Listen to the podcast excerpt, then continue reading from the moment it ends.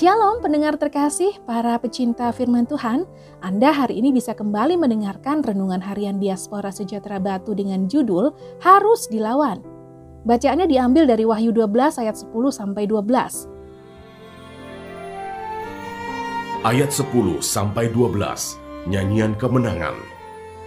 Dan aku mendengar suara yang nyaring di sorga berkata, Sekarang telah tiba keselamatan, dan kuasa dan pemerintahan Allah kita dan kekuasaan dia yang diurapinya karena telah dilemparkan ke bawah pendakwa saudara-saudara kita yang mendakwa mereka siang dan malam di hadapan Allah kita.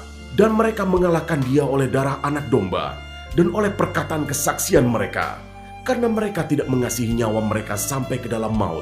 Karena itu bersukacitalah hai sorga dan hai kamu sekalian yang diam di dalamnya. Celakalah kamu hai bumi dan laut karena iblis telah turun kepadamu dalam geramnya yang dahsyat, karena ia tahu bahwa waktunya sudah singkat.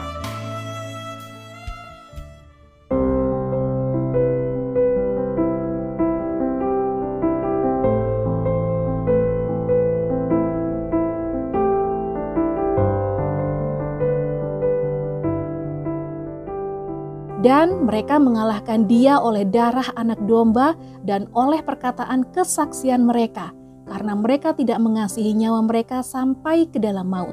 Wahyu 12 ayat 11.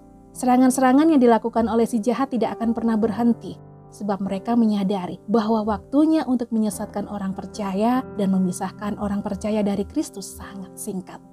Jika di abad pertama penganiayaan secara fisik merupakan cara yang digunakan oleh iblis untuk memisahkan Kristus dengan gerejanya, maka di dunia modern ini si jahat bekerja dengan halus, yaitu dengan mempengaruhi pikiran manusia.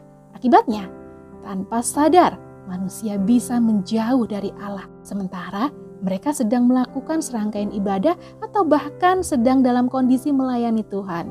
Waspadalah dan berhati-hatilah. Serangan-serangan dari si jahat harus dilawan dengan kuasa Kristus. Gereja Tuhan di abad mula-mula sampai hari ini masih terus menyaksikan firman Allah yang menjadi manusia, memahami ajaran-ajarannya, dan mewujud nyatakan iman dalam kehidupan sehari-hari. Bahkan mereka berani mati karena tidak bersedia menyangkal Kristus sebagai bentuk perlawanan terhadap serangan dari si jahat. Sebagai gereja Tuhan yang sehat, maka harus diingat bahwa tidak ada waktu untuk bersantai dalam perjalanan iman kita kepada Kristus.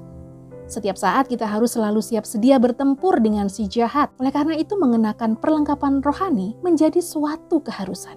Marilah kita menjadi prajurit Kristus yang siaga, baik maupun tidak baik waktunya sambil menjaga diri supaya tidak terpisah dari Kristus. Karena itu tunduklah kepada Allah dan lawanlah iblis maka ia akan lari daripadamu. Yakobus 4 ayat 7. Tuhan Yesus memberkati.